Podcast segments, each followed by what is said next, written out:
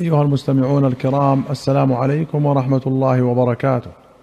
وحياكم الله إلى حلقة جديدة في برنامجكم جامع السنة. في باب ما يجب على الولاة أخرج البخاري عن عائشة رضي الله عنها قالت لما استخلف أبو بكر قال لقد علم قومي أن حرفتي لم تكن تعجز عن مؤونة أهلي وشغلت بأمر المسلمين. فسيأكل آل أبي بكر من هذا المال ويحترف للمسلمين فيه. قوله حرفتي أي عملي الذي كنت أكتسب منه. وأراد باحترافه للمسلمين نظره في أمورهم وتدمير مكاسبهم وأرزاقهم. يقال هو يحترف لعياله أن يكتسب. وقال عمر إني أنزلت نفسي من مال الله بمنزلة قيم اليتيم. إن استغنيت عنه تركت. وإن افتقرت إليه أكلت بالمعروف.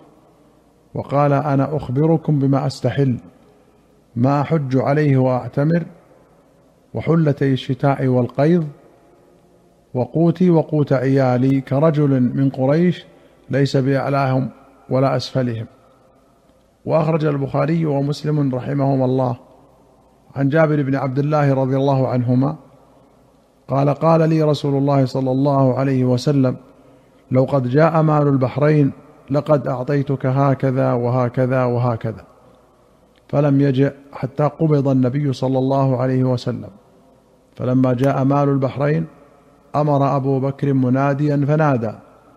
من كان له على رسول الله صلى الله عليه وسلم دين أو عدة فليأتنا. فأتيته فسألته فلم يعطني.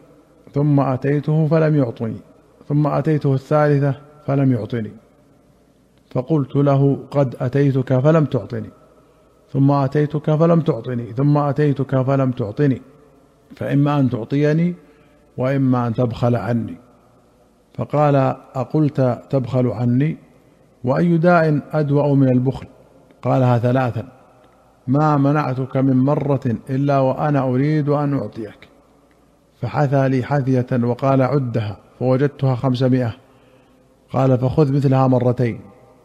وفي رواية قال لما مات رسول الله صلى الله عليه وسلم جاء أبا بكر مال من البحرين فقال أبو بكر من كان له على رسول الله عدة أو دين فليأتنا. قال جابر فقلت وعدني رسول الله صلى الله عليه وسلم أن يعطيني هكذا وهكذا فبسط يديه ثلاث مرات. قال جابر فعد في يدي خمسمائة ثم خمسمائة ثم خمسمائة. مال البحرين هو مال الجزية. وكان عامل النبي صلى الله عليه وسلم على البحرين العلاء بن الحضرمي. قال ابن حجر فيه أن أبا بكر لما قام مقام النبي صلى الله عليه وسلم تكفل بما كان عليه من واجب أو تطوع. فلما التزم ذلك لزمه أن يوفي جميع ما عليه من دين أو عدة. وبوب عليه البخاري بقوله باب من تكفل عن ميت دينا فليس له أن يرجع. وفيه قبول خبر الواحد العدل من الصحابة ولو جر ذلك نفعا لنفسه لأن أبا بكر لم يلتمس من جابر شاهدا. ويحتمل أن يكون أبو بكر علم بذلك فقضى له بعلمه. فيستدل به على جواز مثل ذلك للحاكم. وأخرج البخاري عن نافع أن عمر كان فرض للمهاجرين الأولين أربعة آلاف وفرض لابن عمر ثلاثة آلاف وخمسمائة. فقيل له هو من المهاجرين فلم نقصته من أربعة آلاف؟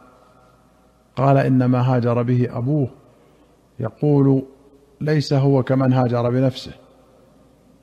وأخرج البخاري عن قيس بن أبي حازم قال كان عطاء البدريين خمسة آلاف خمسة آلاف. وقال عمر لأفضلنهم على من بعدهم. قوله كان أي في زمن أبي بكر الصديق. وعطاء البدريين هو المال الذي يعطاه كل واحد من أهل بدر كل سنة. وقول عمر لأفضلنهم على من بعدهم. أي على غيرهم في المرتبة يعني كانت أعطياتهم كاملة بخلاف غيرهم وأنا أيضا لأفضلنهم على غيرهم وإن زدت على هذا المقدار. وأخرج البخاري ومسلم رحمهما الله عن ابن عمر رضي الله عنهما قال عرضني رسول الله صلى الله عليه وسلم يوم أحد وأنا ابن أربع عشره فلم يجزني. وعرضني يوم الخندق وأنا ابن خمس عشره فأجازني. قال نافع فقدمت على عمر بن عبد العزيز وهو خليفة فحدثته هذا الحديث فقال إن هذا لحد بين الصغير والكبير فكتب إلى عماله أن يفرضوا لمن بلغ خمس عشرة سنة. زاد مسلم ومن كان دون ذلك فاجعلوه في العيال. قوله يفرضوا أن يقدروا له رزقا في ديوان الجند. وكانوا يفرقون بين المقاتلة وغيرهم في العطاء وهو الرزق الذي يجمع في بيت المال ويفرق على مستحقيه. واستدل بقصة ابن عمر على أن من استكمل خمس عشرة سنة أجريت عليه أحكام البالغين وإن لم يحتلم.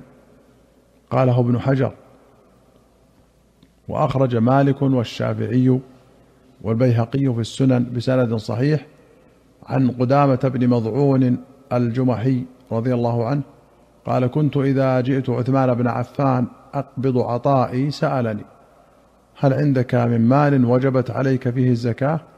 فإن قلت نعم أخذ من عطائي زكاة ذلك المال وإن قلت لا دفع إلي عطائي. وأخرج البخاري ومسلم عن أبي عثمان النهدي قال كتب إلينا عمر بن الخطاب ونحن بأذربيجان مع عتبة بن فرقد.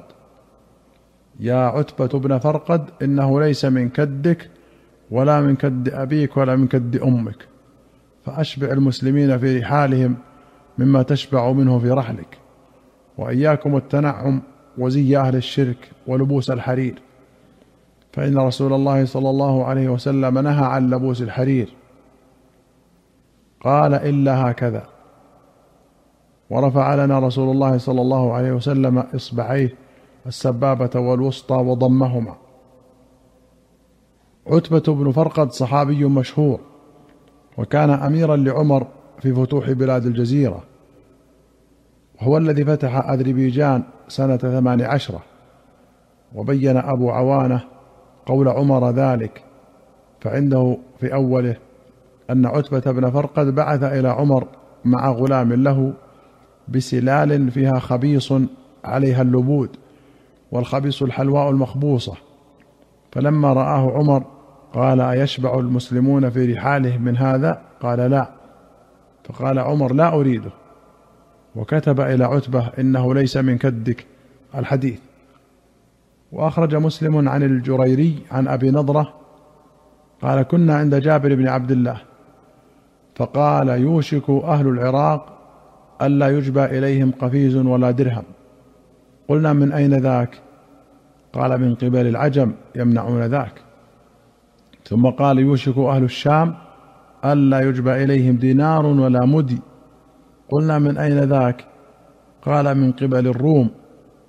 ثم سكت هنية. ثم قال قال رسول الله صلى الله عليه وسلم يكون في آخر أمتي خليفة وفي رواية يكون خليفة من خلفائكم في آخر الزمان يحثي المال حثيا لا يعده عدا.